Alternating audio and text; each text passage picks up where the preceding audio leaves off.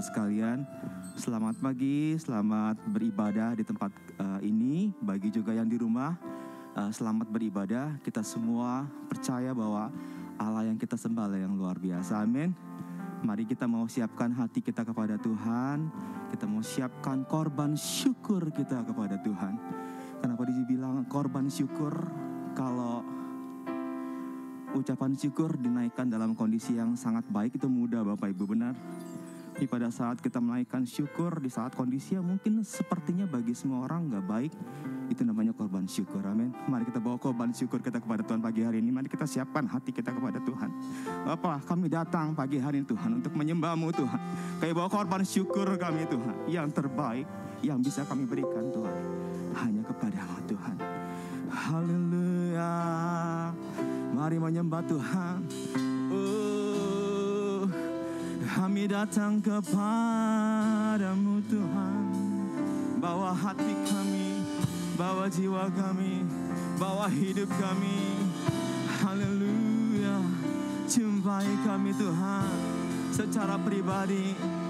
Oh, haleluya.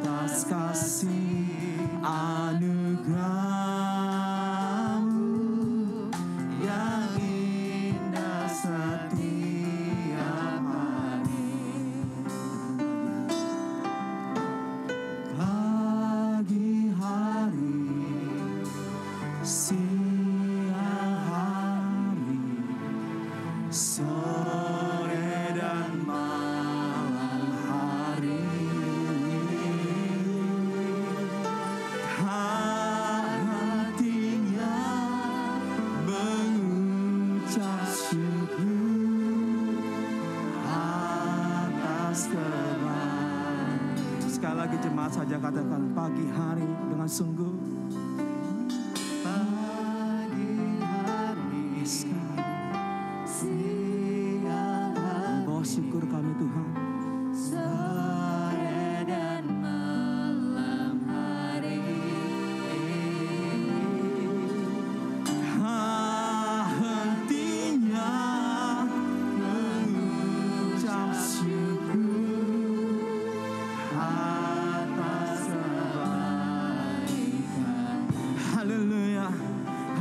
mengucap syukur Tuhan buat kebaikan-Mu Tuhan. Engkau sungguh baik Tuhan, Engkau sangat baik bagi kehidupan kami Tuhan. Haleluya. Saya menonton paket berdiri Bapak Ibu yang terkasih dalam nama Tuhan. Kita naikkan lebih sungguh lagi pujian ini dari awal. Haleluya. Bapakku datang padamu.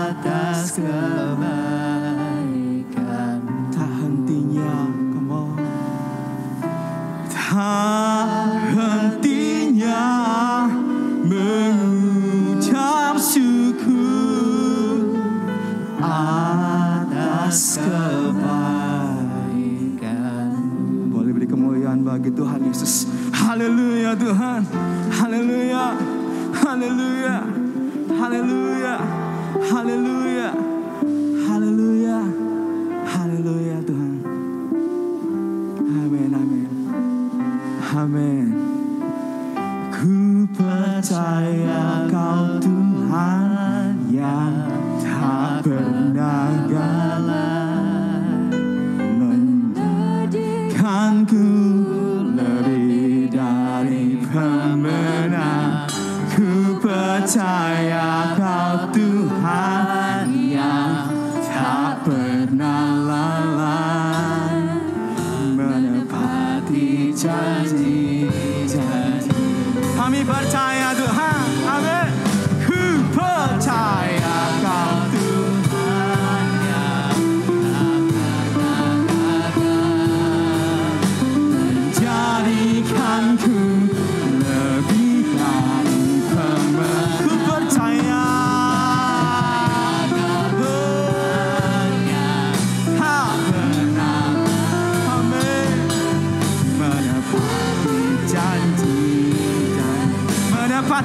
Janji-janjinya. Oh menepati. Amin. Menepati janji-janjinya. Menepati Haleluya Tuhan. Terima kasih Bapak di surga. Pagi hari ini Tuhan kami siapkan hati kami Tuhan. Yang terbaik Tuhan. Hanya untuk Engkau Tuhan. Kami siapkan Tuhan korban syukur kami Tuhan dalam hati kami yang paling dalam ya Tuhan. Korban syukur kami Tuhan. Menandakan kami percaya Dan taat akan otoritas Engkau Tuhan Di dalam hidup kami Tuhan. Kami tahu Tuhan Kalau kami mengucap syukur dalam kondisi yang baik-baik saja itu mudah ya Tuhan. Tapi kami mau Tuhan mengucap syukur Tuhan Bahkan dalam kondisi yang tidak baik sekalipun Tuhan. Karena kami percaya Tuhan Apa pun yang terjadi dalam hidup kami Tuhan Apa pun yang terjadi dalam hidup kami Tuhan Pasti mendatangkan kebaikan Bagi semua orang seperti kami Tuhan Yang percaya dan berharap hanya kepada Engkau Tuhan Mari Bapak dalam kerajaan surga Memberkati setiap jemaat yang hadir Tuhan pada pagi hari Tuhan Yang sakit disembuhkan di dalam nama Tuhan Yesus Yang punya masalah Tuhan Engkau berikan jalan keluar di dalam nama Tuhan Yesus. Engkau urapi kami semua Tuhan. Dengan urapan yang baru ya Tuhan. Dan kami Tuhan pulang tidak sama Tuhan dan saat kami kami datang Tuhan. Karena kami tahu Tuhan. Engkau bersama-sama dengan kami Tuhan saat ini. Engkau menjumpai kami secara pribadi Tuhan. Kami mengalami Engkau pagi hari Tuhan. Terima kasih Bapak dalam kerajaan surga. Kami siap buka ibadah kami pada pagi hari Tuhan. Di dalam nama Tuhan Yesus kita semua yang percaya katakan. Amin. Beri kemuliaan yang meriah buat Tuhan. Salam kiri kanan kalau nggak boleh salaman juga halo selamat uh, pagi apa kabar sehat semua luar biasa amin. Tetap mau tinggal berdiri kita mau naikkan pujian namamu dipuji Tuhan. Haleluya. Haleluya.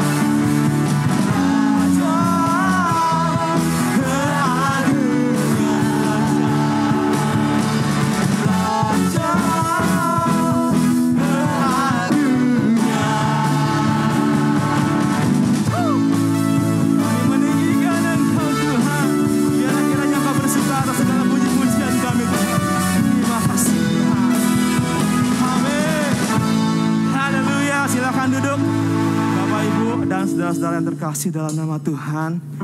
Haleluya, pagi hari ini saya diberkati Tuhan. Bisa kembali lagi di tempat ini. Sudah sebulan saya cuti nggak pelayanan. Maafkan saya kalau saya terlalu takut sama COVID, tapi saya percaya kita semua punya hikmat, amin. Dan uh, terbukti dalam satu gereja yang saya yang paling parah, Bapak Ibu. Jadi saya minta maaf kalau saya cuti. Kiranya pagi hari kita semua diberkati Tuhan, amin. Haleluya, haleluya. Kami Tuhan pagi hari ini Tuhan, kami pastikan Engkau adalah pilihan kami satu-satunya Tuhan. Kami gak mau lagi Tuhan seperti dulu Tuhan. Kami gak mau kompromi lagi sama dosa Tuhan. Kami mau Tuhan bertumbuh semakin hari semakin naik bersama dengan Engkau Tuhan. Yesus pilihanku. Amin. Haleluya.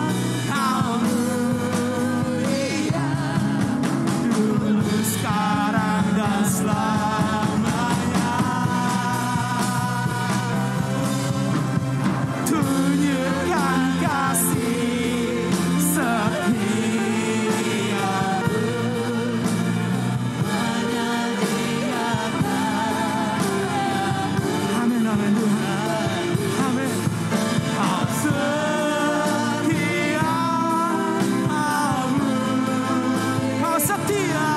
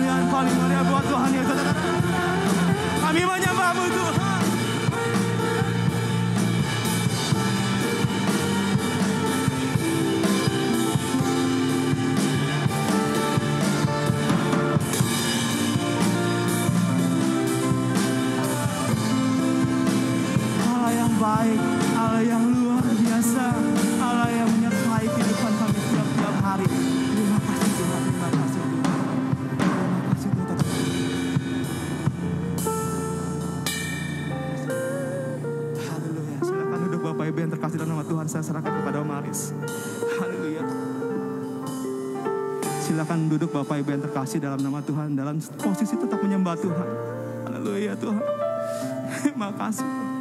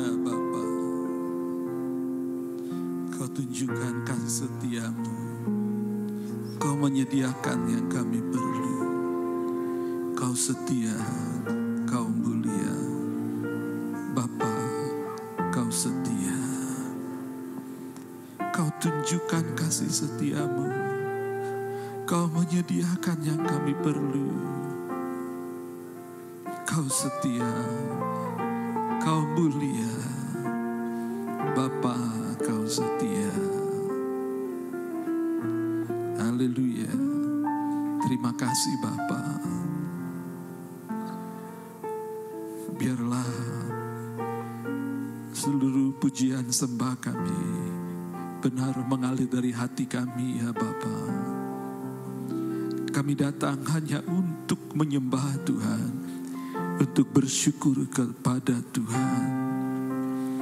Buat segala kasih setiamu, buat semua penyediaan yang kami perlu. Sungguh tak berkesudahan kasih setiamu, tak habis-habisnya rahmatmu. Haleluya, haleluya. Biarlah kiranya berkenan segala persembahan puji, hormat, syukur kami. Pujian kami, pengagungan kami bagimu. Yesus Kristus Tuhan, penebus kami yang hidup. Haleluya. Di dalam nama Yesus Kristus. Amin, amin, amin. Puji Tuhan, puji Tuhan.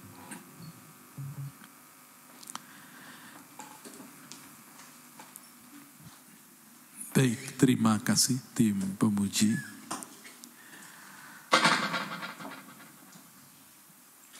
Haleluya. Eh, sebelum kita bersama akan menikmati kebenaran firman Tuhan, ya, saya akan memberi kesempatan eh, tanggal 6 yang lalu ada yang berulang tahun, ya, dan mau berulang tahun. Ada dua sih yang ber, yang mau bersaksi katanya eh, kalau salah satunya eh, boleh, kalau salah dua salah duanya, kalau keduanya juga boleh. Ya. Tapi hari ini eh, saya dapat berita bahwa mau bersaksi. Ya. Eh, kepada yang mau bersaksi, saya persilahkan. Silakan.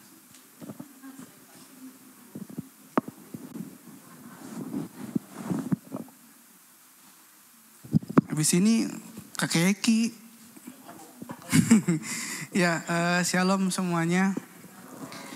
Saya mau kesaksian, eh, mau cerita kebesaran Tuhan yang saya alami. Eh, Sebenarnya saya banget pengen cerita hal ini karena selama COVID itu mengubah hidup saya, mengubah pola hidup saya, mengubah iman saya. Eh, awal COVID semua ya tahu ya eh, banyak kehilangan pekerjaan, termasuk saya juga. Jadi saya lagi hopeless juga. Tuhan, saya mau buat apa ini gitu loh. Eh, kuliah saya nggak selesai, terus saya belum punya karya yang harus saya kerjakan. Lalu saya tanya Tuhan, saya mau kerja apa Tuhan? Saya mau buat apa gitu. Lalu saya berdoa sama Tuhan. Saya punya kelebihan cuma dua. Yang saya terus pertama saya bisa main musik. Yang kedua saya suka main boneka. Saya emang dari kecil suka main boneka. Bon- Bonekanya si Gempita saya suka mainin lah gitu. Sampai akhirnya eh, ada panggilan. Ternyata saya pernah pelayanan dulu. Kalau saudara ingat dulu ada, ada anak sekolah minggu namanya Sandra. Dia kerja di CBN. Terus dia tawarkan saya untuk eh, kerja di sana sebagai papet lah gitu. Nah bonekanya itu beda dengan saya yang mainin gitu. Pelayanan saya yang di sini One Hope sama Friska sama Kak Eki itu eh, bonekanya boneka tangan yang khususnya itu buat eh, apa namanya umum lah gitu. Bukan buat di TV atau di kameramen atau buat di acara-acara TV gitu. Cuman tekniknya sama, cara pemainannya beda gitu. Akhirnya saya tes lah dengan iman Tuhan. Kalau ini memang panggilan saya dalam melayani Tuhan. Dan saya mau Tuhan. Karena saya mau jadi pelayanan Tuhan, saya mau jadi, saya mau berdiri buat anak-anak sekolah minggu. Dan akhirnya saya mulai tes lah. Waktu tes itu ada 50 orang. Ada 50 orang peserta. Waktu tes di audisi, wah mainnya bagus-bagus, bonekanya bagus-bagus, mahal-mahal, mainnya keren-keren gitu. Aduh, salah saya bawa boneka Bobby itulah yang kalian pernah lihat itulah.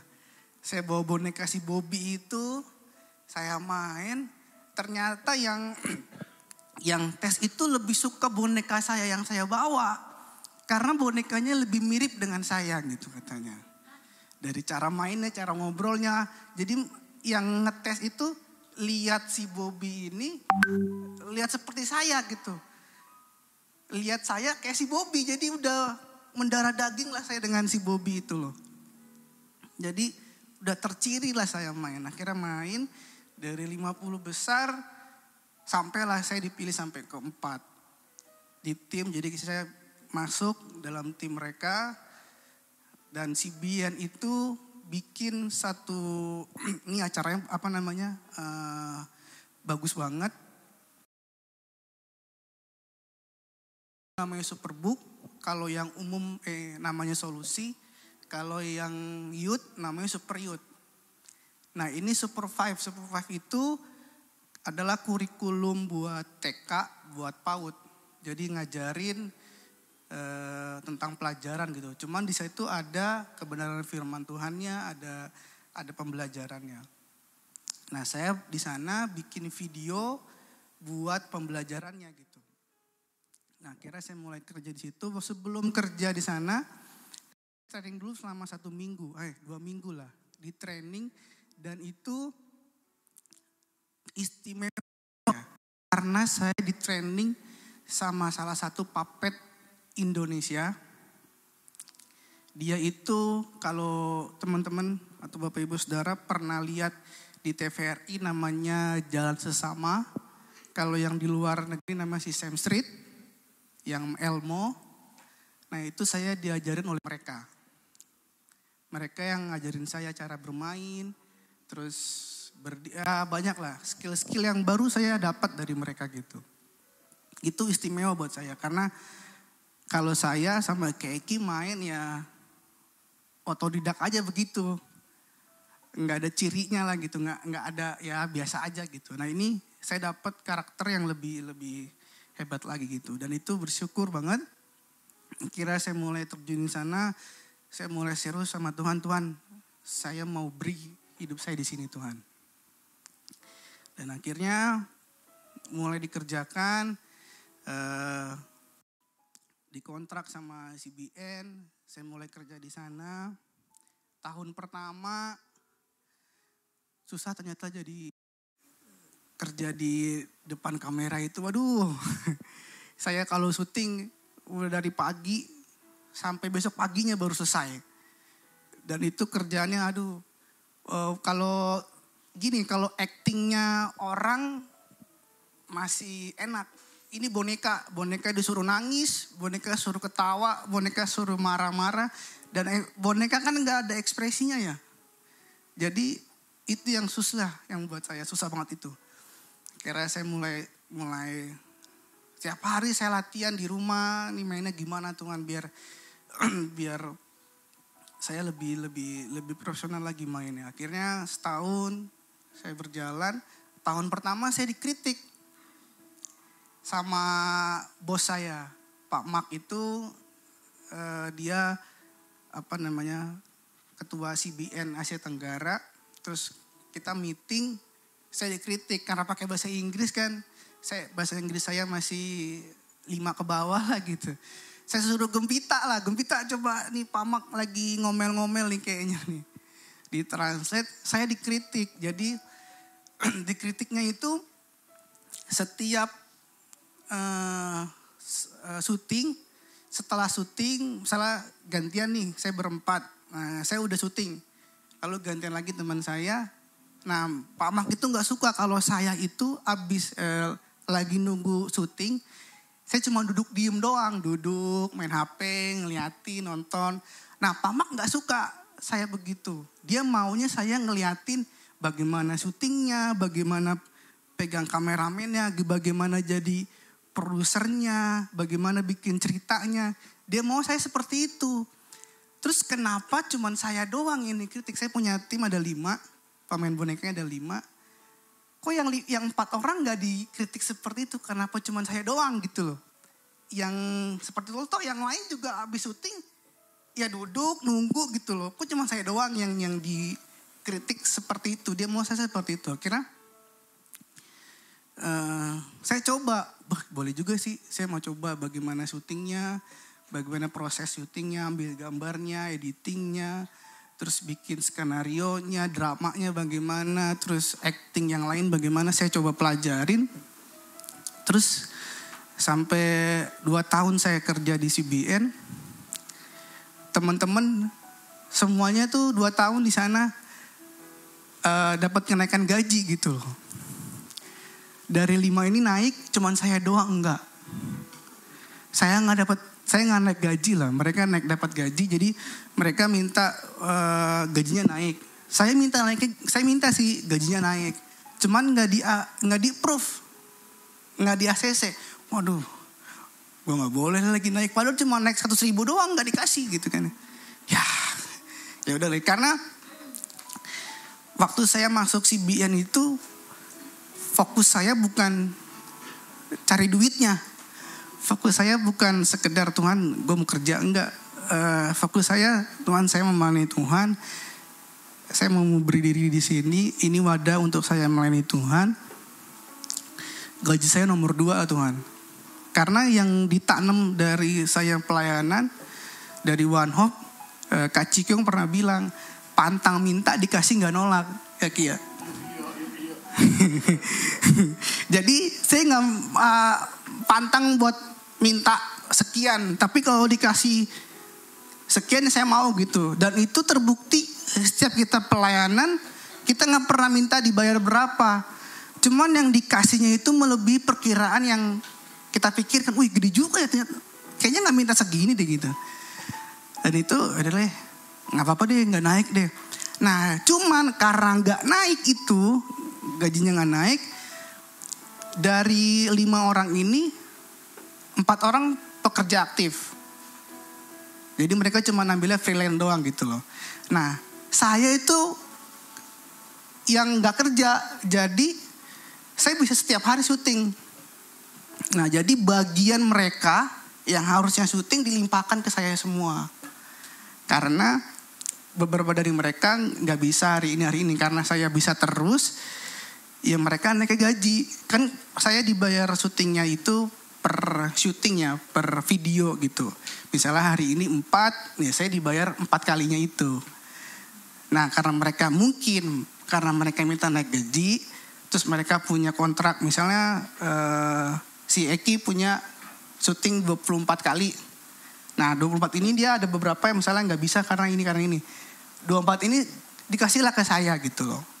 Misalnya kasih ke 10 episode kasih ke saya. Jadi nah yang saya dapetin itu bukan perkalian uangnya. Yang saya dapat itu satu wah dapat skill baru, dapat cara main baru. Jadi setiap saya syuting apa eh, saya punya saya bisa upgrade diri loh. Oh, di saya bisa begini, saya bisa begini. Dan akhirnya saya kerjakan itu sampai akhirnya eh, saya posting, suka posting di IG, bikin reels gitu tentang saya main boneka. Satu kali ada yang telepon. Aduh, saya mau nangis. Saya telepon, dia telepon gini ini dengan Mas Gada, iya benar gitu kan. Dari CBN ya, iya. Saya mau bikin konten uh, tentang sekolah minggu juga, cuman uh, ini tentang musik gitu. Ada lagu-lagu musik, kita bikin uh, short movie, bikin video. Kalau di CBN itu kan uh, hanya kurikulum, jadi bikin kurikulum, kurikulum pembelajaran, terus kita bikin videonya. Kalau ini enggak short movie-nya, jadi ya cerita rohani yang yang pakai boneka terus ada lagu-lagu uh, lagu-lagu sekolah minggu yang udah nggak pernah dinyanyiin terus dinyanyiin lagi di remake lagi tapi yang nyanyi boneka terus uh, orang ini bilang kita mau bikin podcast ya buat boneka. Jadi mereka orang ini pengen ada pengen bikin eh, apa namanya tontonan di YouTube buat anak-anak tuh yang mendidik. Jadi eh, ternyata tuh kalau di YouTube itu paling banyak subscribe nya itu anak-anak. Apa aja main klik aja gitu kan ya. Yang nggak bener yang nggak jelas main klik aja. Karena saya lihat si Zira juga begitu. Di HP saya itu waduh tontonannya begini-begini doang nih. yang nggak jelas main di subscribe aja gitu kan. Nah itu kadang nggak mendidik gitu loh. Jadi orang ini pengen pengen buat seperti itulah. Oke akhirnya saya ketemu lah janjian. Eh, saya berangkat dari sini ke kota. Saya ketemuan di kota. Sampai di kota saya dijemput. Ya ini norak sih. Jemput sampai di depan stasiun kota dijemput pakai mobil apa Alphard. Saya pilih ini mobil, ini saya gitu. Katanya mau dijemput gitu kan. Jemput siapa gitu kan. Ada supir saya, tunggu aja di depan stasiun situ. Mobilnya apa pak? Alphard. Waduh. Pas saya berhenti di depan saya buka pintunya. Jangan sendiri cus gitu kan. Nah, saya norak kan. Kayak gak pernah naik mobil bagus kan. Masuk, waduh kayak gue punya sendiri. Jadi di- dijemput sama supir gitu kan. Supir depan saya di belakang gitu. Waduh. Terus di situ ada makanan, ada minuman. Mas, makan aja, minum aja gitu. Mau nonton apa? Jadi di servis lah gitu kan. Oke lah gitu kan. Nonton, habis itu ketemu dengan orang ini. Ternyata orang ini adalah produser. Dia produser hebat, produser musik Indonesia juga. Dia eh, ketua palabiser lagu. Jadi misalnya ada lagu yang misalnya eh, Om Agus bikin lagu nih, terus mau dipublish, nah lewat dia, dia yang ketua ini boleh apa enggak, gitu. Jadi ketua publish publish yang ada dia yang ketuai dan kalau Antesri atau siapa WL WL lain pernah lihat Sudirman Worship, dia yang produserin, dia yang main juga. Sydney Muhede dia yang kerjain, TW dia yang kerjain. Terus JPCC juga dia yang kerjain. Ada artis lokal beberapa kayak eh, Slang, terus Gigi. Nah dia yang dia yang memproduserin itu. Saya waktu ketemu, wah saya gemeteran. Wah anjir, ini luar ketemu orang lebih hebat lagi. Aduh Tuhan, siapa gak ada nih gitu. ketemu orang kayak gini terus ketemu lagi sama orang-orang yang gak cuma dia doang, banyak yang hebat juga gitu. Akhirnya eh, kita bikin kontrak kerjasama dan saya setuju dan kita bikin satu apa ya organisasi kayak kayak bikin eh, apa konten gitu dan saya nggak habis pikir Tuhan saya ketemu orang yang hebat lagi tuh Tuhan. Siapa? Gak ada gitu loh. Cuman main boneka terus ketemu orang kayak gini gitu. Dan akhirnya saya kerjain eh, karena ini konten buat anak sekolah minggu dia minta saya. Dia senang karena saya itu anak musik. Saya bisa main musik. Dia minta saya kamu coba kamu bikin lagu. Bikin lagu sekolah minggu. Bikin lagu pak? Iya bikin lagu. Aduh ya udahlah saya coba bikin lagu. Bikin lagu sekolah minggu. Saya bikin ada tiga kalau nggak salah. Saya bikin tiga saya kasih ke dia tiga tiganya tiga tiganya dia suka. Oke fix. Besok ketemu saya ke kantor. Saya mau publish lagu kamu. Saya mau pakai satu. Nanti eh, lagu ini eh, saya daftarin ke hak cipta. Jadi kamu dapat hak cipta dapat persenan dari lagu ini. Nanti lagu ini saya mau daftarin di YouTube, di Spotify, di platform yang lain. Jadi lagu kamu bagus gitu kan. Saya diberkati sama lagu kamu.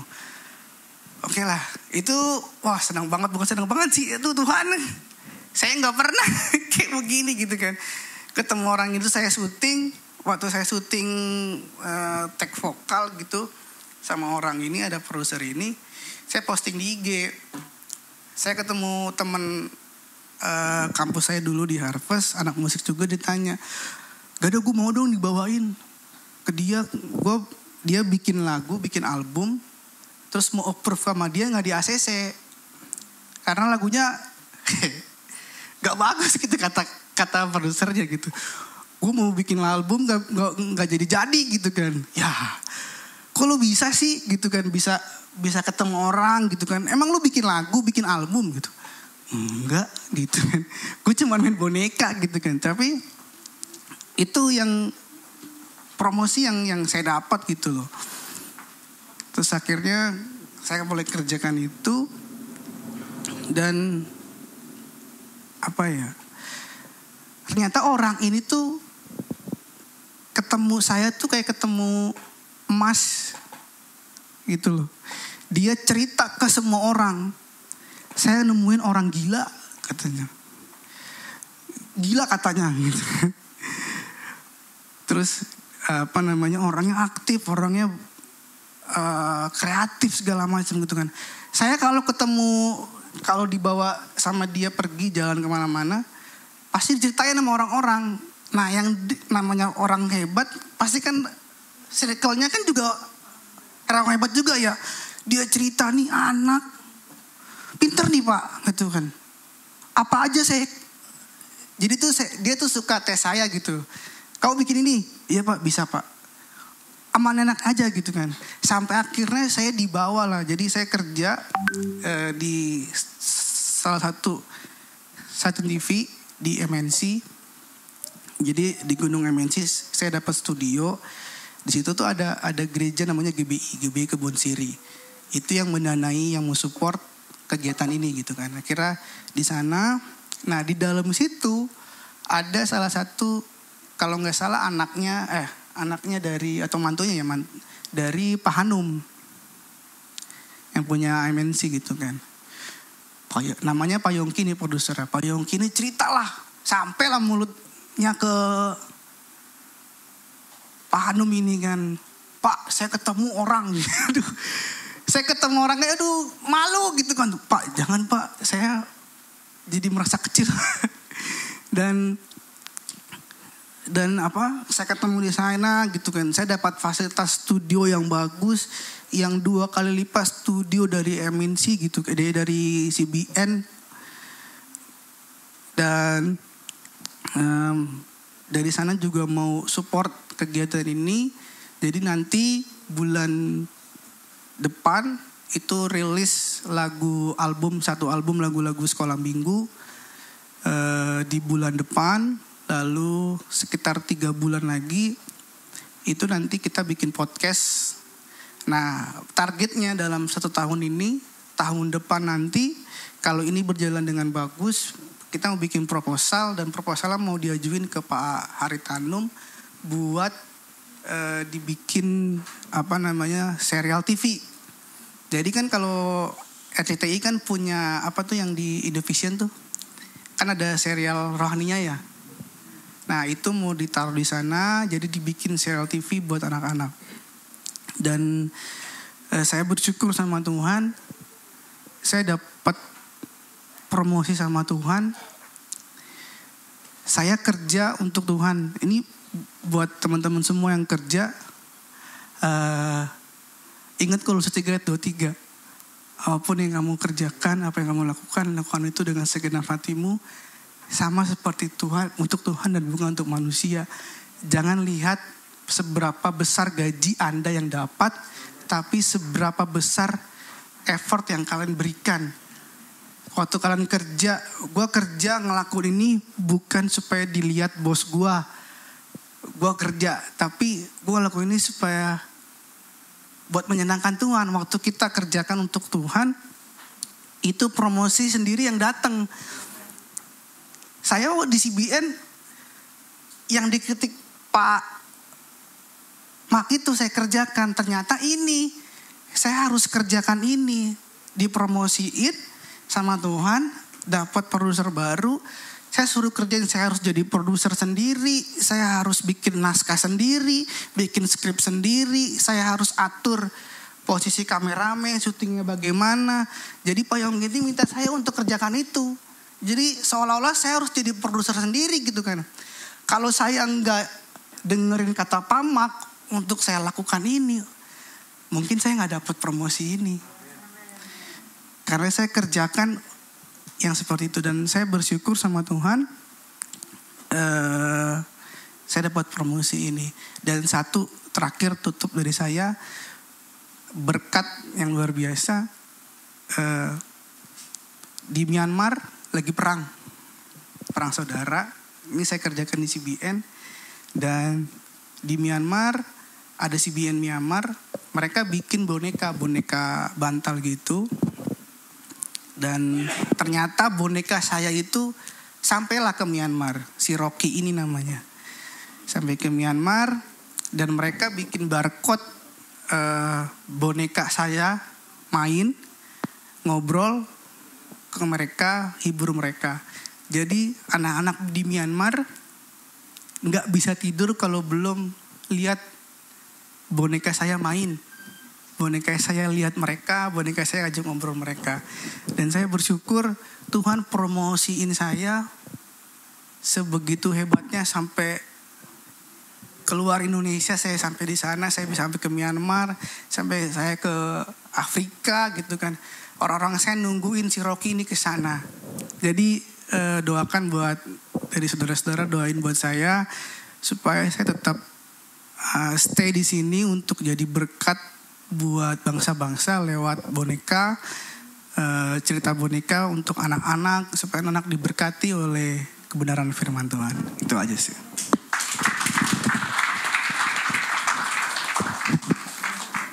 Baik, mari kita berdiri bersama-sama. Saya suka lagu eh, tadi refnya. Haleluya. Puji Tuhan, Tuhan berkati Tuhan berkati Gada buat kesaksiannya. Puji Tuhan. Kau menyediakan aku. Kau tujukan kasih setiamu. Kau menyediakan yang ku perlu.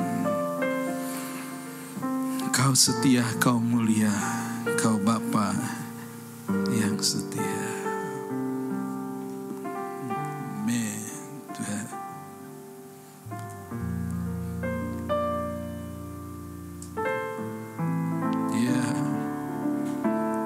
Bapak Ibu jemaat. Saya percaya roh Tuhan sedang bekerja. Haleluya. Kau tunjukkan kasih setiamu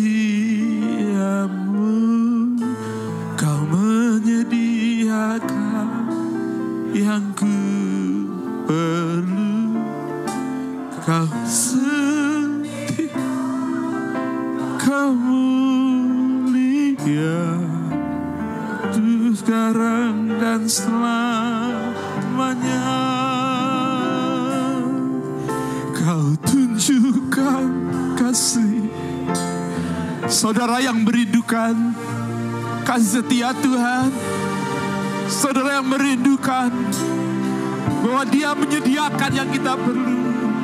Saudara yang ingin merindukan Mengalami, mengecap Kemuliaan dan kesetiaan Tuhan dalam hidup saudara. Puji sembah dia Deklarasikan iman kita ini. Kau tunjukkan kasih setia. Yes. Setiamu menyediakan Yang ku perlu. Kau setia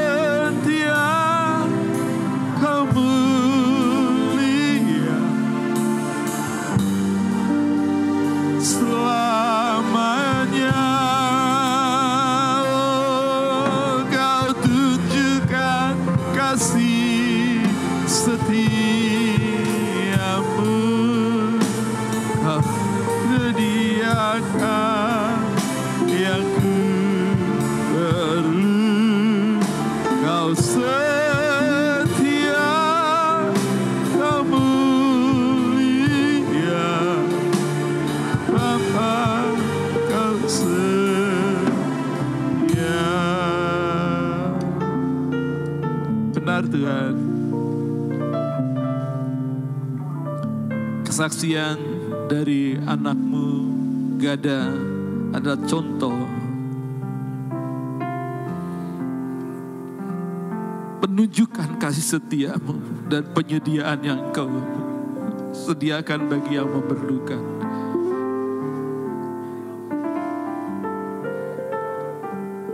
Segala sesuatu yang tak pernah kami lihat, yang tak pernah kami dengar, yang tak pernah timbul di hati kami bahkan Engkau sediakan bagi mereka yang mengasihi.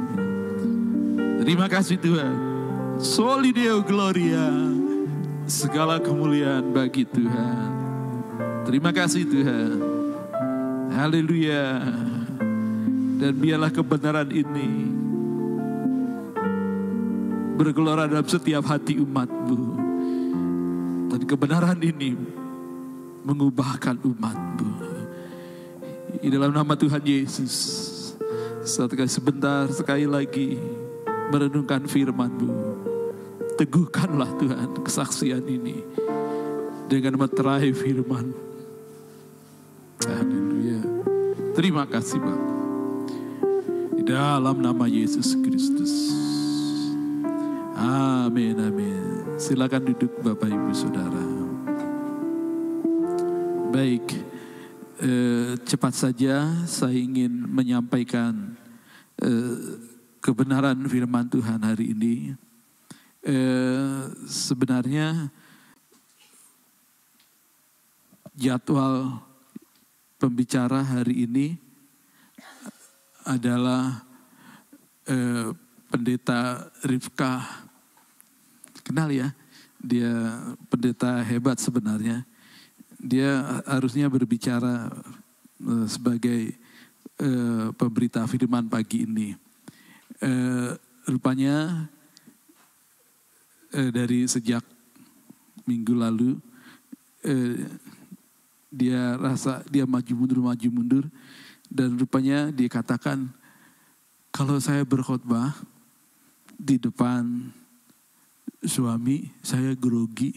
Ya jadi kalau suami nggak ada eh, dia akan pede. Kalau suami ada dia jadi grogi ya. Dan itu bisa eh, pengalaman eh, tiga malam dia nggak bisa tidur ya. Dan eh, akhirnya dia katakan ya serahkan kepada bapak gembala saja. Dan hari ini ya seperti ini. Dan uji Tuhan apa pun itu Tuhan selalu yang pegang kendali segalanya. Amin. Dan kebenaran firman pagi ini adalah merupakan kelanjutan dan apa yang saya sudah siapkan bahkan sampai setahun dengan uh, sub temanya dan semua pembicara juga sudah diberi uh, tema-temanya sehingga berkesenambungan dan kebenaran firman Tuhan dalam 2 Petrus pasal uh, 1 itu ayat 1 sampai ayat yang ke-11 itu bergelora uh, selama sekian lamanya. Sehingga itu menjadi sesuatu yang hidup yang eh, saya sebagai gembala ingin menyeberangkan kepada jemaat. Dan itu terlalu besar ya untuk disampaikan eh, dalam satu waktu cukup. Itu tidak bisa. Jadi perlu setahun diseberangkan dengan dibagi beberapa tema. Dan saya membagi juga eh, rekan-rekan sekerja untuk menggumuli lalu eh, belajar untuk menyampaikan menseringkan kebenaran yang telah hidup di dalam eh, saya yang saya mau mereka juga tenggelam di dalamnya dan belajar untuk membagikan sehingga tema kita tema besar kita grow together and be impact together itu menjadi suatu realita kehidupan rohani jemaat ya, dalam kesehariannya dan eh, dengan demikian eh, kita hidup sebagai warga gereja sebagai pengikut Kristus sebagai murid Kristus yang hidup di dalam kebenaran firman Tuhan. Puji Tuhan. Dan kita lanjutkan pada pagi hari ini. Saya beri judul kebajikan yang berpengetahuan. Ya memang itu terambil dalam uh, 2 Petrus 1 ayat yang 5 yang dikatakan uh, bagian terakhirnya dikatakan bahwa kamu harus bersungguh-sungguh. Oh, ya. Lengkapnya saja 2 Petrus 1 ayat 5 Justru karena itu kamu harus dengan sungguh-sungguh berusaha ya, untuk menambahkan kepada imanmu kebajikan dan kepada kebajikan pengetahuan. Ya, iman kita harus bertumbuh. Setiap kita harus bertumbuh. Pertumbuhan adalah bukti ada kehidupan. Dan jikalau kita sungguh-sungguh pengikut Kristus, murid Kristus yang sejati, kita pasti bertumbuh. Karena itulah yang Tuhan kehendaki. Dan iman kita bertumbuh. Dikatakan harus ada usaha yang sungguh-sungguh. Jadi pertumbuhan iman itu bukan suatu uh, seketika seperti disulap jadi tapi itu merupakan suatu proses, suatu usaha yang dikerjakan bersungguh-sungguh.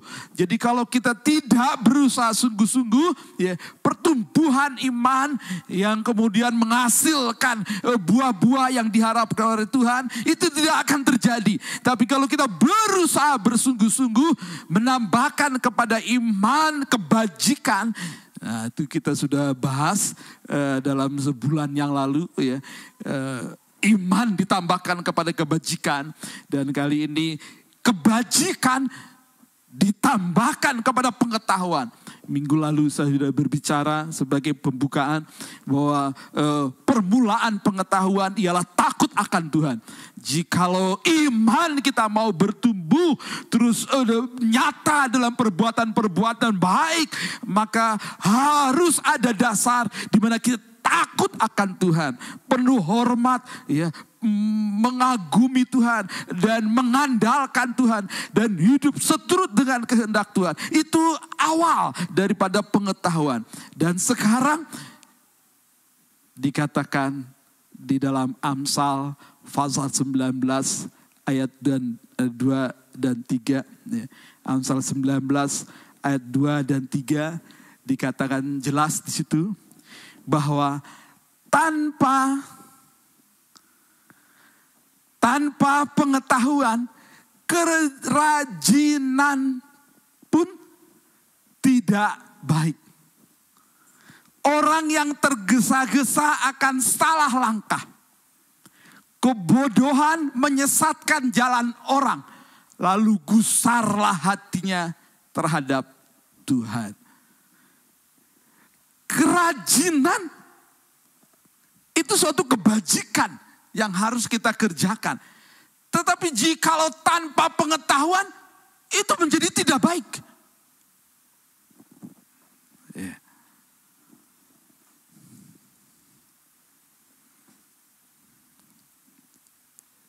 Saudara yang dikasih Tuhan, kita akan dalami penyataan firman Tuhan. Dan perlahan-lahan kita coba membuka satu-satu. Ya. Berikutnya, kita tahu tentang pengetahuan ya, dan apa sih itu pengetahuan? Ya. Jikalau eh, kita mengenal pengetahuan itu apa sebenarnya? Ya. Pengetahuan itu apa? Ya. Pengetahuan yaitu segala sesuatu yang diketahui. Yang merupakan hasil dari tahu. ya, mengetahui sesuatu. Dan kemudian itu e, diketahui. Nah itu jadi satu pengetahuan. Ah, bingung kan di situ. Ya. Ada kata lagi ilmu pengetahuan. Cara adalah pengetahuan tentang sesuatu bidang yang disusun secara sistematis menurut metode-metode tertentu yang dapat digunakan untuk menerangkan gejala-gejala tertentu di bidangnya. Nah itu bahasa yang saya ambil kutip dari uh, pengertian Kamus Besar Bahasa Indonesia ya. dan begitu dan tambahannya cara untuk mendapat pengetahuan dengan mendengarkan cerita orang dengan pengalaman sendiri dengan jalan mencari keterangan. Ya.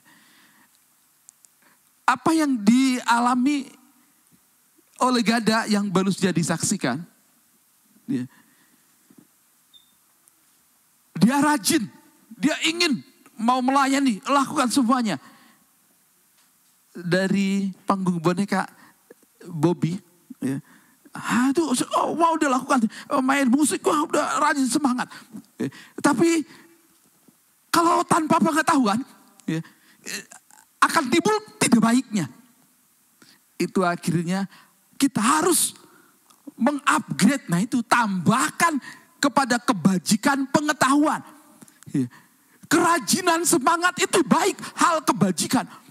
Tetapi kalau tidak ditambahkan kepada pengetahuan, itu lama-lama jadi jenuh, bosan, dan akhirnya eh, semangatnya menjadi kendor. Dan akhirnya kehilangan arah. Kerajinan tanpa pengetahuan. Berikut. Nah, pengertian pengetahuan, informasi yang telah diproses dan diorganisasi untuk memperoleh pemahaman, pembelajaran dan pengalaman yang terakumulasi sehingga bisa diaplikasikan dalam masalah proses atau kegiatan tertentu. Jadi semua tuh eh, yang sudah ditabat dari eh, informasi dari orang lain, ya, atau belajar sendiri, atau sengaja cari keterangan, itu sumber-sumber pengetahuan. Ya. Nah itu semua terkumpul dalam diri sendiri. Lalu kemudian dapat diaplikasikan. Yang tadinya sekedar tahu, sekarang diaplikasikan dan terwujud selesai persoalan masalah kehidupannya. Nah itu menjadi satu pengetahuan. Nah, tadi ada hanya begitu aja Bobby. Eh, Sebatas itu. Tapi ketika dia dilatih oleh eh, tim kreatif dari Sesame Street, Jalan Sesama, ya, boneka yang lebih lagi, nah dia, lebih mahir lagi. Eh, diuji lagi ketika dia nggak naik gaji. tapi tetap bersemangat ya kemudian justru ya jam-jam syuting dari teman-temannya itu yang nggak bisa dikerjakan dilimpahkan ke dia. Ketika banyak dia mengaplikasikan apa yang dia tahu, itu menjadi suatu pengetahuan yang menjadi berarti yang memperlengkapi dia. Sehingga kebajikan ditambah pengetahuan menjadi lebih baik. Tapi kalau tanpa pengetahuan hanya begitu saja, lama-lama juga kehilangan arah, itu menjadi tidak baik. Dapat pula diartikan bahwa definisi pengetahuan adalah segala e, gejala yang ditemui dan diperoleh manusia melalui pengamatan akal pada saat seorang memakai akal budinya untuk mengenali suatu kejadian tertentu yang belum pernah dan sebelumnya itu dapat muncul sebagai pengetahuan. Saya sudah terangkan lagi. Contoh pengetahuan, seseorang yang mencicipi buah yang belum pernah dimakannya, maka orang tersebut akan memperoleh pengetahuan yaitu tentang rasa, bentuk, ukuran, nama dan buah. Dulu saya waktu pertama makan buah kiwi, tahu kiwi ya. Eh, yang saya tahu kiwi itu hanya burung kiwi. Eh, rupanya ada buah kiwi. Dan harganya cukup mahal juga ya. Eh, dan saya coba beli dan makan. Enak ya. Dan itu eh, vitaminnya eh, tinggi ya. Dan oh begini. Saya pikir kalau buah kiwi itu konsep di saya itu eh, burung kiwi. Jadi eh, mungkin dia bentuknya seperti bur- burung kiwi. Rupanya buah yang eh, bulat yang elips gitu ya. Dan eh, agak berbulu dikit kecil begitu ya. Warnanya eh, coklat ya. Eh, coklat ada dimakan wah enak banget. Manis ada asamnya wah, menarik itu ya. Nah, jadilah itu yang tadinya konsepnya nggak jelas dan mungkin ke eh, kaprah salah kaprah dengan pengetahuan tentang burung kiwi, oh buah kiwi begini, jadi saya menjadi tahu. Nah, itulah ya kebajikan ditambahkan pengetahuan. Ketika dipraktekkan, ketika saya tahu itu buah kiwi, saya praktekkan membeli, memakannya dan jikalau eh, makannya teratur baik begitu, mendatangkan tambahan vitamin bagi diri ini. Dan akhirnya meningkatkan imun. Dan akhirnya terjagalah kesehatan. Nah itu dampaknya. Pengetahuan ya ditambahkan kepada kebajikan menjadi lebih baik lagi. Kita begitu, iman kita harus seperti itu sekarang. Ya. Kita tahu firman Tuhan. Ya. Kasihilah sesama manusia seperti dirimu sendiri. Kasihilah musuhmu. Berkatilah orang yang membenci kamu. Itu sesuatu yang kita tahu. Ya. Tetapi menjadi pengetahuan yang sejati ketika ditambahkan kepada kerajinan, keinginan kita untuk melayani Tuhan, mengasihi Tuhan, dan sungguh-sungguh percaya kepada Tuhan. Pengetahuan itu ditambahkan akan menjadi pengetahuan yang eh, sejati ketika ia melakukannya. Bagaimana memberkati orang yang membenci kita, yang mengecewakan kita. Saat kita melakukan itu, menjadi pengetahuan yang ditambahkan kepada kebajikan. Sehingga kebajikan itu makin bertumbuh, iman juga terus makin bertumbuh dewasa. Dan akhirnya kita bisa mengampuni orang, dan akhirnya tidak ada kepahitan dan kekecewaan yang menguasai kita. Amin. Rentetannya seperti itu. Klik berikutnya. Haleluya. Kalau dalam bahasa aslinya, pengetahuan itu gnosin. Ya. Gnosis. Itu berarti kecerdasan umum.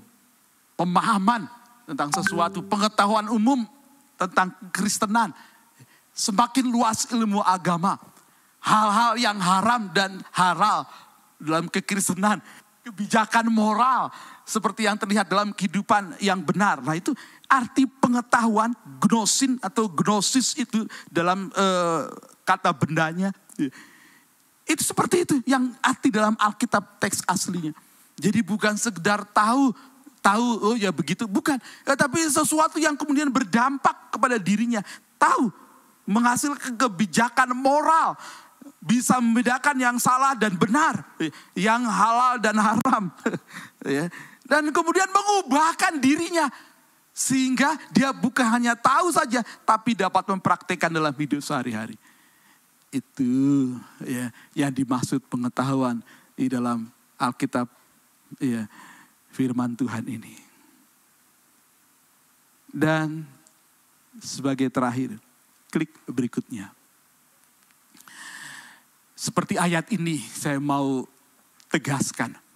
Tanpa pengetahuan, kerajaan pun tidak baik. Orang yang tergesa-gesa akan salah langkah.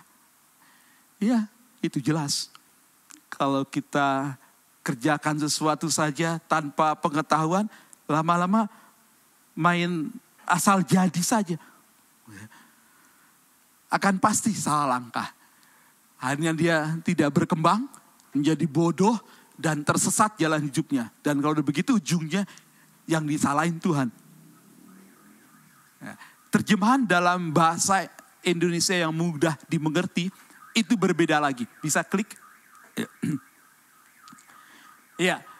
Sesungguhnya keinginan tanpa pengetahuan tidak cukup. Sesungguhnya keinginan tanpa pengetahuan tidak cukup.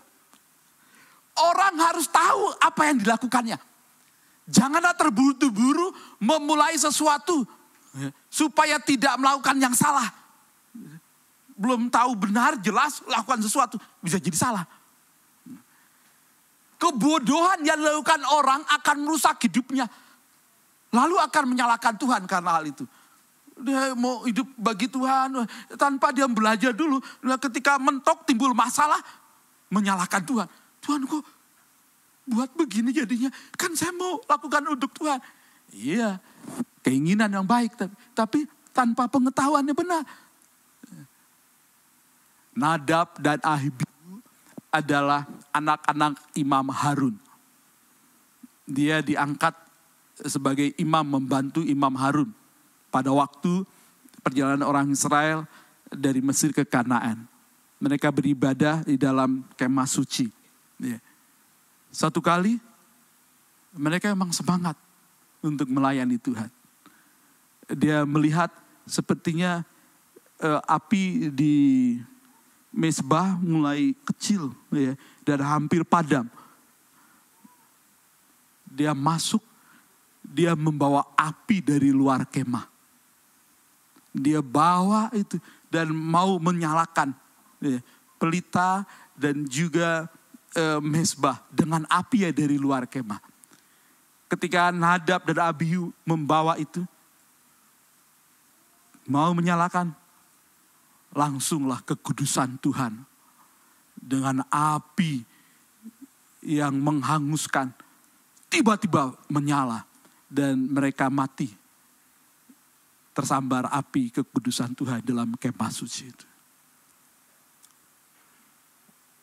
Dan Musa diperingatkan oleh Tuhan. Ini sebagai contoh. semangat saja, keinginan saja, eh, tanpa pengetahuan akan menjadi salah.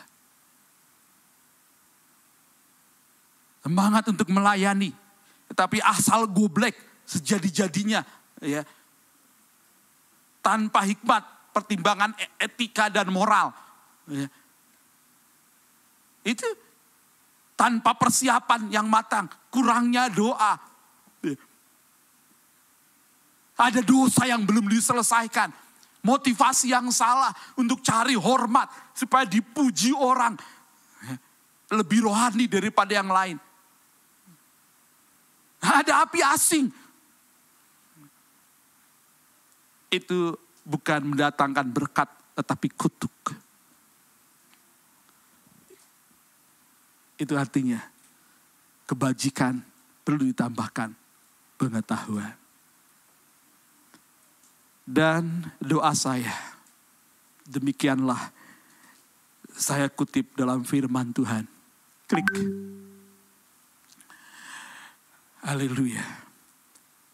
Saudara, dalam seminggu dari hari Senin yang lalu, saya sudah umumkan dari hari, hari Minggu yang lalu juga bahwa kita akan mengadakan eh, pembacaan Alkitab Injil Lukas dan disertai dengan doa puasa jika memungkinkan. Ya. Dan kemudian kirimlah laporan ke saya. Untuk apa? saudara yang memberikan laporan. Maksud saya, bukan sebagai penilaian secara subjektif saya kepada saudara. Tetapi itu menjadi bahan untuk saya mengetahui mereka yang mau bersungguh mendengarkan pemimpin, disiplin ketundukan. Lalu kemudian saya tidak akan umumkan ke mana-mana untuk semua orang lain tahu. Ya. Supaya jadi pamer di depan banyak orang. Ya. Tapi cukup saya yang tahu. Dan saya adukan kepada Tuhan. Dan doa saya seperti ini. Itulah sebabnya aku sujud kepada Bapa Yang daripadanya semua turunan yang di dalam sorga dan di atas bumi menerima namanya. Aku berdoa supaya ia menurut kekayaan kemuliaannya, menguatkan dan meneguhkan kamu oleh rohnya di dalam batinmu. Sehingga oleh imanmu, Kristus diam di dalam hatimu. Dan kamu berakar. Hmm. Serta berdasar di dalam kasih. Aku berdoa supaya kamu bersama-sama dengan segala orang kudus dapat memahami betapa lebarnya, dan panjangnya dan tingginya dan dalamnya kasih Kristus dan dapat mengenal kasih itu sekalipun ia melampaui segala pengetahuan. Aku berdoa supaya kamu dipenuhi di dalam seluruh kepenuhan Allah. Bagi dialah yang dapat melakukan jauh lebih banyak daripada yang kita doakan atau pikirkan seperti yang ternyata dari kuasanya yang bekerja di dalam kita. Bagi dialah kemuliaan di dalam jemaat dan di dalam Kristus Yesus turun temurun sampai selama-lamanya. Amin. Saudara, kegiatan yang saya umumkan dari minggu yang lalu bukan sekedar kegiatan saja memenuhi hari-hari dalam menyambut Paskah, Jumat Agung Paskah. Kegiatan prapaskah, bukan saudara. Ya. Didorong oleh satu kerinduan. Agar grow together, be impact together. Itu menjadi suatu realita, kenyataan. Kehidupan jemaat dalam kesehariannya. Sehingga saudara menjadi jemaat yang bersungguh-sungguh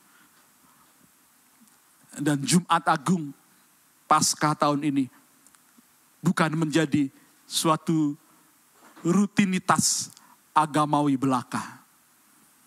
Tapi menjadi momen yang membawa kita bertumbuh dalam Tuhan. Lebih lagi dan lebih lagi. Amin. Bagi saudara belum membaca, silakan dirapel bacaannya. Eh, Baca dengan bersungguh seperti kepada Tuhan dan izinkan eh, Tuhan bawa saya untuk merenungkan betapa lebar, betapa panjang, betapa tinggi, betapa dalamnya kasihmu. Sehingga Jumat Agung dan Pakas tahun ini menjadi begitu istimewa. Izinkan saya juga menerima laporannya. Bukan kemudian saya menjadi eh, bersikap kepada saudara berbeda dari yang lain. Tapi dengan itu saya lebih fokus berdoa untuk saudara. Bahwa saudara bersungguh-sungguh untuk bertumbuh dalam Tuhan. Amin. Kita berdoa. Puji Tuhan. Haleluya. Singer bisa bantu saya nyanyi lagu yang terakhir tadi.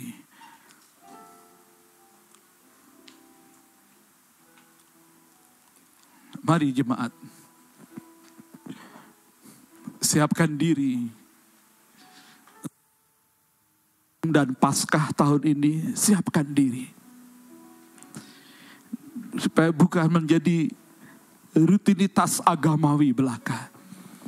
Tapi menjadi momen untuk bawa kita mengenal, memiliki pengetahuan yang lebih lagi ditambahkan kepada iman kita. Betapa panjang, betapa lebar, betapa tinggi, betapa dalamnya kasih Kristus. Haleluya. Jikalau Tuhan sedang berbicara kepada saudara, jangan keraskan hati saudara. Ia sangat mengasihi saudara, apa pun keadaan saudara sebenarnya. Ia tidak pernah menolak siapa pun. Justru ingin, ingin menyatakan rencana agung selamatnya dalam hidup saudara. Saudara yang ikuti lewat online, siapa pun saudara di mana pun dan kapan pun, Tuhan sedang melawat saudara. Supaya saudara bertumbuh di dalam Kristus Yesus Tuhan. Mari kita berdiri bersama-sama. Kau tunjukkan setia Kau menyediakan yang ku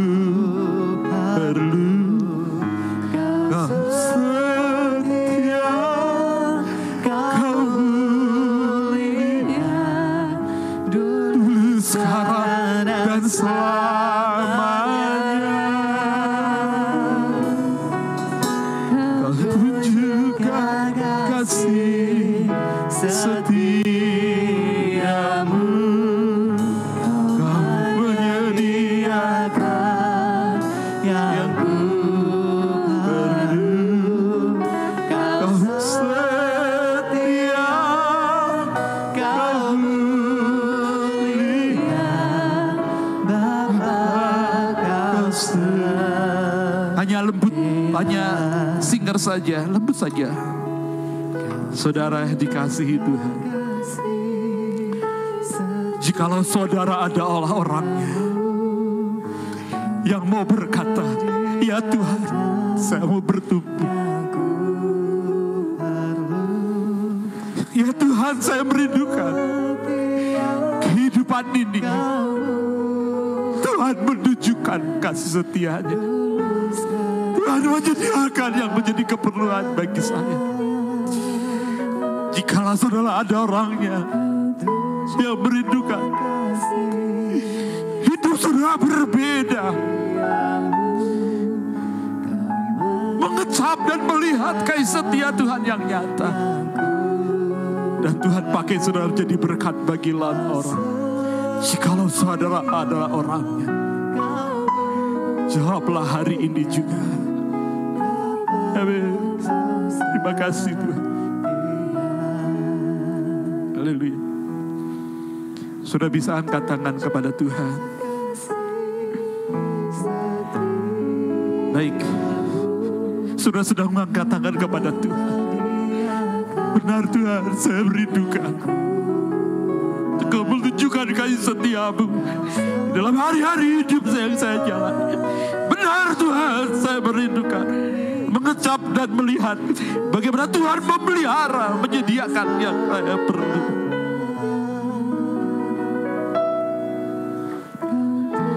Haleluya.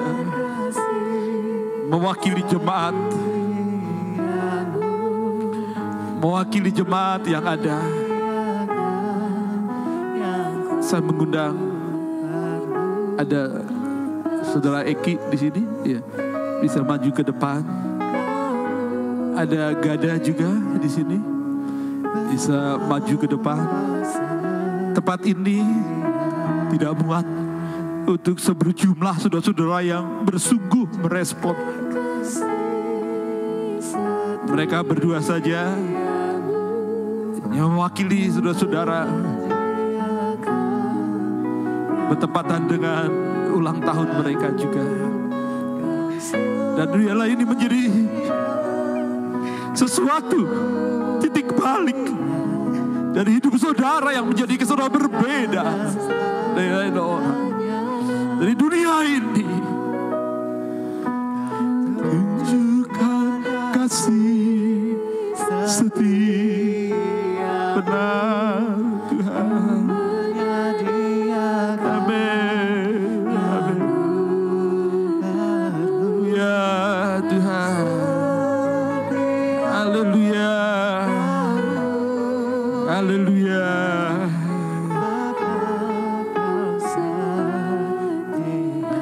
Mari bersama kita angkat pujian ini sebagai sikap doa kita kepada Tuhan.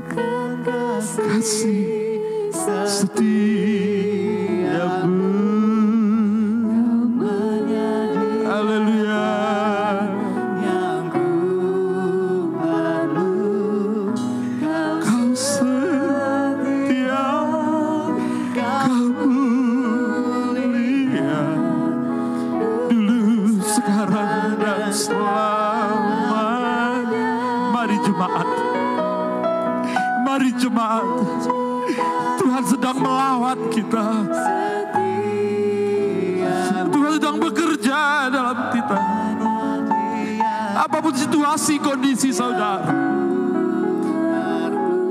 Ya dan amin adanya. Kasih Tuhan tak pernah gagal. Kasih Tuhan tak pernah gagal. Kau tunjukkan kasih setiamu.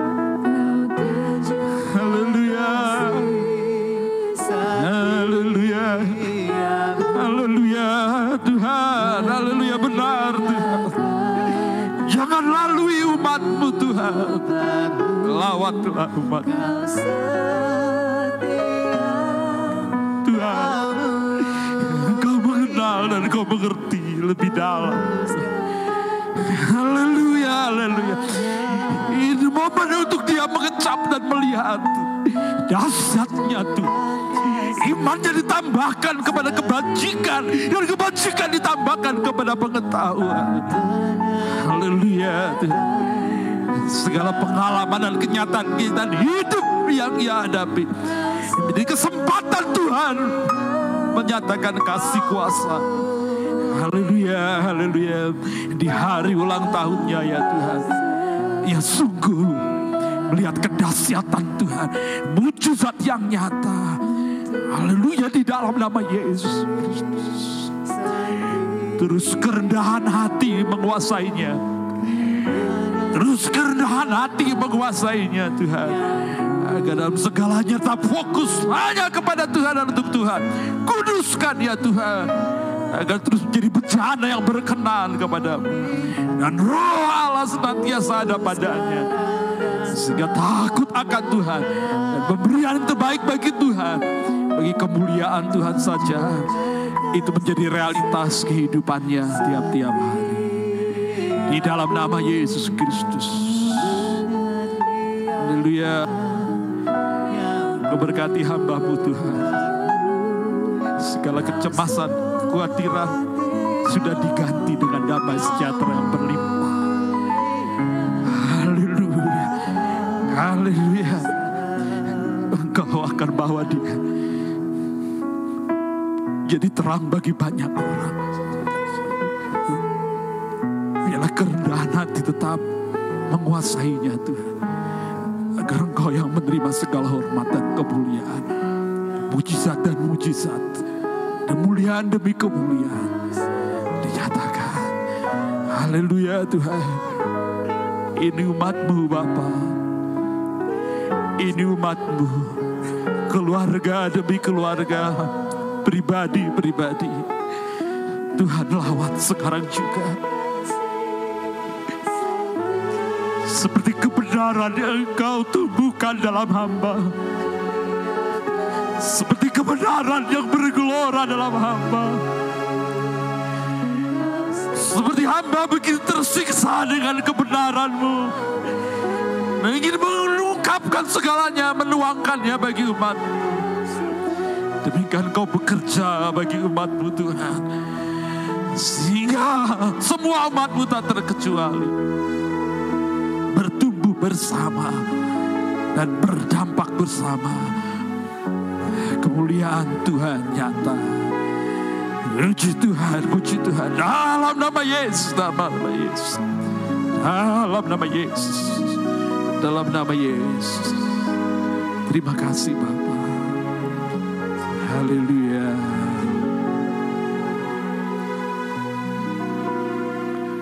Kau tunjukkan kasih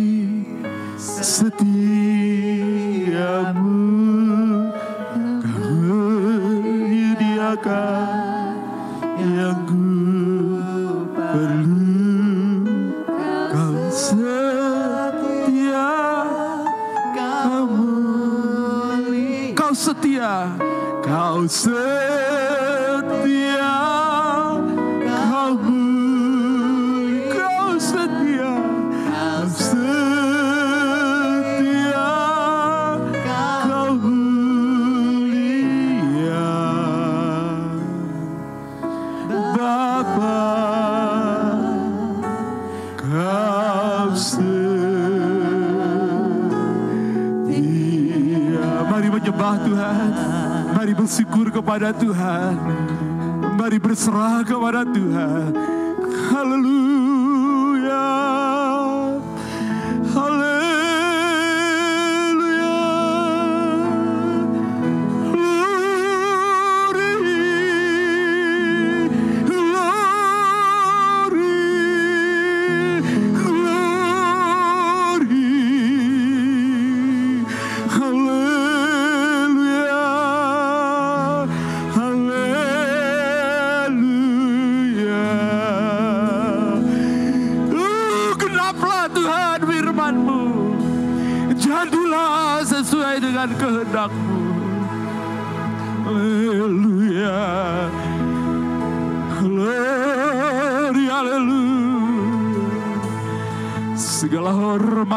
Syukur bagimu Tuhan.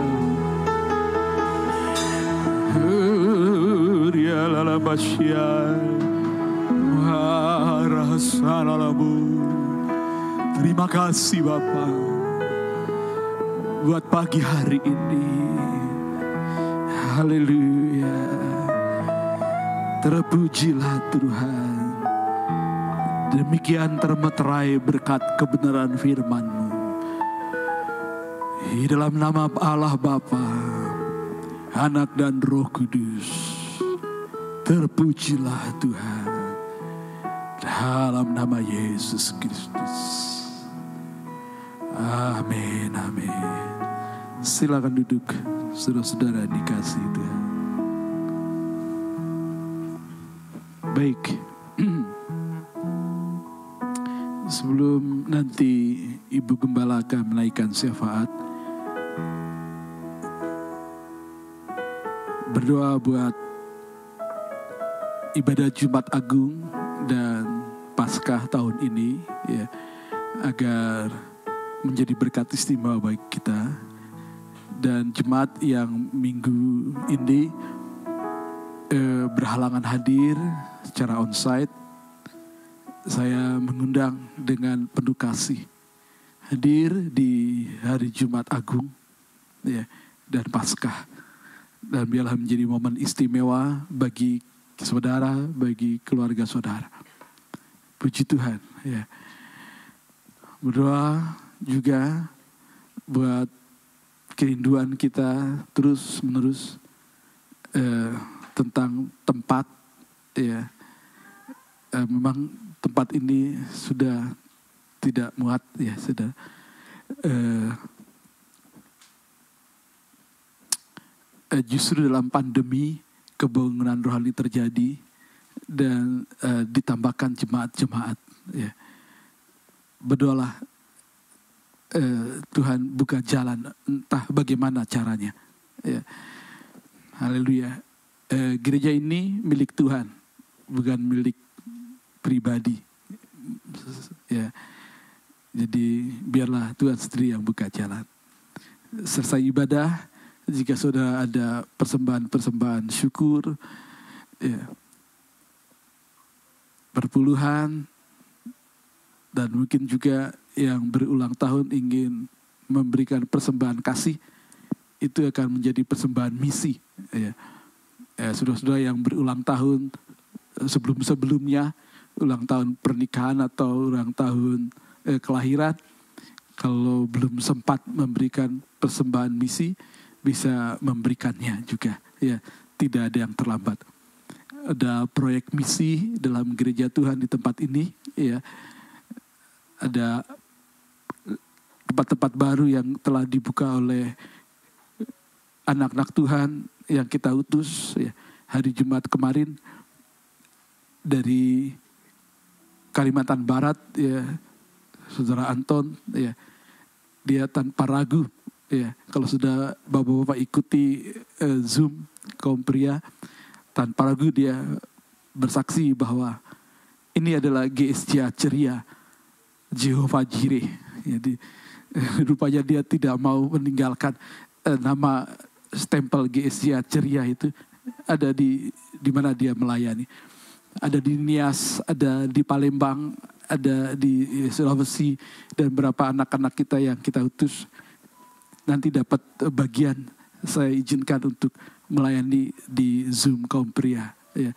Bulan depan dari Palembang, saudara Robin akan bersaksi ya juga. Dan saudara-saudara mari kita giat. Gereja ada untuk melakukan misi. Tidak layak disebut gereja kalau tidak melakukan misi. Karena itu adalah amanat agung Tuhan Yesus. Marilah kita hidup hanya bagi Tuhan saja. Amin. Tuhan Yesus memberkati. Saya serahkan kepada Ibu Gembala.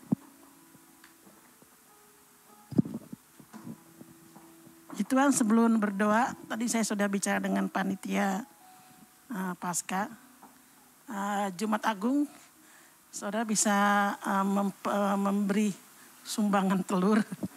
Uh, kebetulan di sini ada jemaat kita yang baru hadir, dia punya peternak telur, saudara, uh, bebek, jadi telur asin, harganya 3000 Jadi saudara bisa menyumbang terserah mau 10 telur, mau 20 telur. Kita membutuhkan minimal 120 telur untuk anak-anak sekolah minggu. Jadi saudara bisa apa? Tulis di WA grup ya. Ya. Nanti diserahkan kepada saudara Hani sebagai panitia pasca. Itu saja dan mari kita bersemangat untuk terus dalam lawatan Tuhan. Mari kita beri bersama-sama, kita akan pulang. Sebelum kita pulang, kita mau berdoa. Mari Bapak Ibu kita mau datang kepada Tuhan dengan penuh kesungguhan. Kita datang bersepakat, kita datang dengan minta dan kita datang dengan sungguh-sungguh karena firman Tuhan katakan mintalah maka kamu akan diberi. Carilah maka akan mendapat, ketuklah pintu surga, maka pintu akan dibukakan bagi. Mari kita memintanya dengan iman. Kami bersyukur Tuhan, sebab kau mengirimkan jiwa-jiwa hadir di tempat ini. Karena kami tahu Tuhan, jiwa-jiwa ini milikmu, kepunyaanmu. Engkau sangat mengasihi mereka, engkau sangat mencintai mereka. Bahkan engkau mati bagi kami semua. Kami adalah anak-anakmu, anak-anak kesayanganmu. Bapak di surga kami bersyukur kami bisa menjalankan ibadah dan kami bisa mengakhirinya dengan penuh berkat yang luar biasa. Biarlah kami pulang juga kami bawa berkat ini Tuhan. Kami bawa di tengah-tengah keluarga kami, kami bawa di mana kami berada, kami bekerja, kami berkuliah. Berkat ini kami bawa Tuhan. Dan biarlah Tuhan kami rindu, kami ingin menjadi berkat bagi banyak orang. Firman yang kami dengar itu bertumbuh dalam hidup kami. Firman yang kami dengar, kami mempraktekkan, kami melakukannya dengan penuh kesungguhan. Sehingga kami menjadi orang-orang yang berbahagia. Karena kami mempraktekkan firman Tuhan. Bapak di surga kami bersyukur Tuhan. Kalau Engkau telah memimpin kami sampai akhir hidup di tempat ini Tuhan. Terima kasih Tuhan buat kasih karuniamu. Kami bisa beribadah dengan baik tanpa gangguan itu karena Engkau Tuhan. Karena kasihmu Tuhan. Dengan penuh kerendahan hati kami mohon kepadamu. Bukankah kami telah menyanyikan lagu bahwa engkau Allah yang baik. Kasih karuniamu, engkau yang menyediakan apa yang menjadi keperluan kami. Itu janjimu Tuhan. Sekarang dengan penuh kerendahan hati kami mohon kepadamu. Dengan penuh kerendahan hati kami minta kepadamu Tuhan. Berilah kami tempat yang lebih luas, yang lebih baik, yang lebih baik. Agar ada banyak jiwa-jiwa dilayani. Ada anak sekolah minggu yang dilayani, ada kelas-kelas yang baik. Oh dalam nama Yesus Tuhan, Kau sediakan bagi kami Tuhan. Engkau punya cara memberkati kami Tuhan.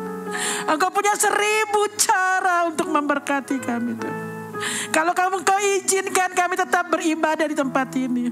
Engkau akan menolong kepada kami Tuhan. Agar kami boleh mengembangkan ke kiri, ke kanan, ke belakang. Dengan caramu Tuhan. Dengan berkatmu. Dengan kasih karuniamu yang kau limpahkan bagi kami. Kalau engkau tidak mengizinkan kami tempat ini. Lihatlah. Tanah ini milikmu.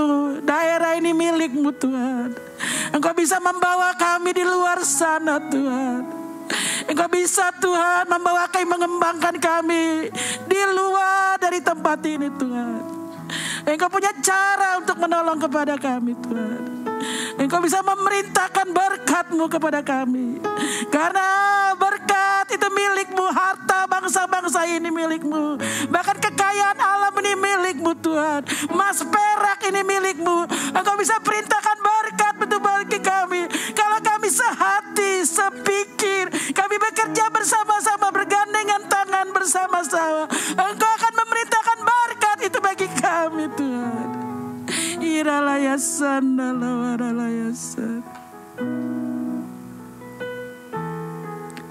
Kuduskan kami Tuhan, layakkan kami. Lawatlah kami Tuhan. Lawatlah kami Tuhan. Kami mengalami terobosan-terobosan yang dahsyat, yang luar biasa. Kami punya iman yang besar Tuhan. Kami berdoa Tuhan buat para pengerja-pengerja Tuhan yang telah Engkau pilih untuk melayani bersama-sama hambamu. Karena hambamu tidak bisa melayani sendiri. Ada orang-orang yang perlu bergandengan tangan bersama-sama. Biarlah Engkau yang memilih, yang menetapkan Tuhan. Hamba percaya kalau Engkau yang memilih, Engkau yang mengutus mereka, Engkau yang beri beban mereka. Sehingga kami boleh bekerja bersama-sama untuk kemuliaan kebesaran namamu Tuhan. Di dalam nama Yesus. Kami berdoa Tuhan buat kota kami Bekasi. Oh, biarlah di mana kami pergi, di mana kami berada. Kami mendatangkan damai sejahtera buat kota kami. Buat tempat kami tinggal di RT, di RW, di kelurahan. Kami menjadi berkat Tuhan. Agar namamu dipermuliakan, agar namamu ditinggikan. Berkatilah bangsa kami Indonesia. Kami lahir di bangsa ini Tuhan. Kami bertumbuh di bangsa ini. Kami mengasihi bangsa ini. Hanya satu kerinduan kami Tuhan. Bahwa bangsa kami mengenal Engkau. Bahwa bangsa kami percaya kepadamu. Kasihmu melawat bangsa kami. Ada banyak orang yang belum percaya kepadamu. Hati yang tertutup dibukakan. Pikiran-pikiran yang tertutup dibukakan dengan caramu Tuhan. Selamatkan bangsa kami. Lawat bangsa kami. Kuatkan bangsa kami. Sembuhkan bangsa kami. Di dalam nama Yesus.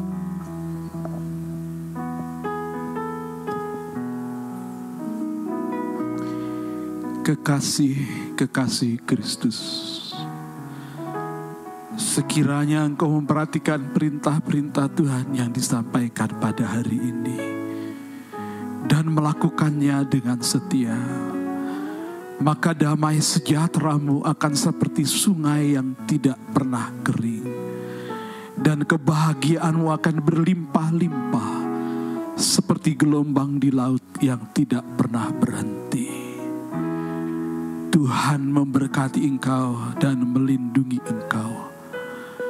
Tuhan menyinari engkau dengan wajahnya dan memberikan kepadamu kasih karunia.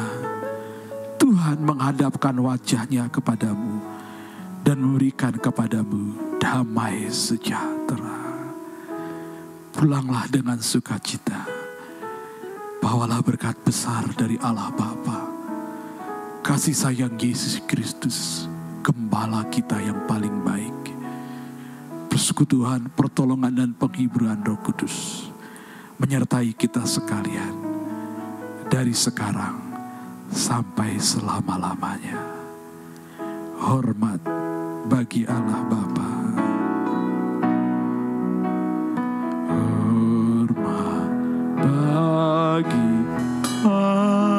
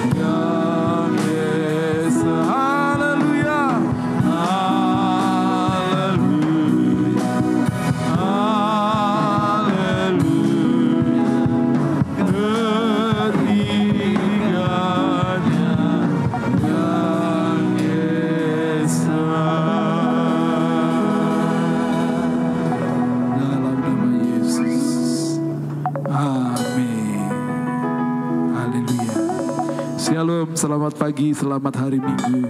Tuhan Yesus memberkati.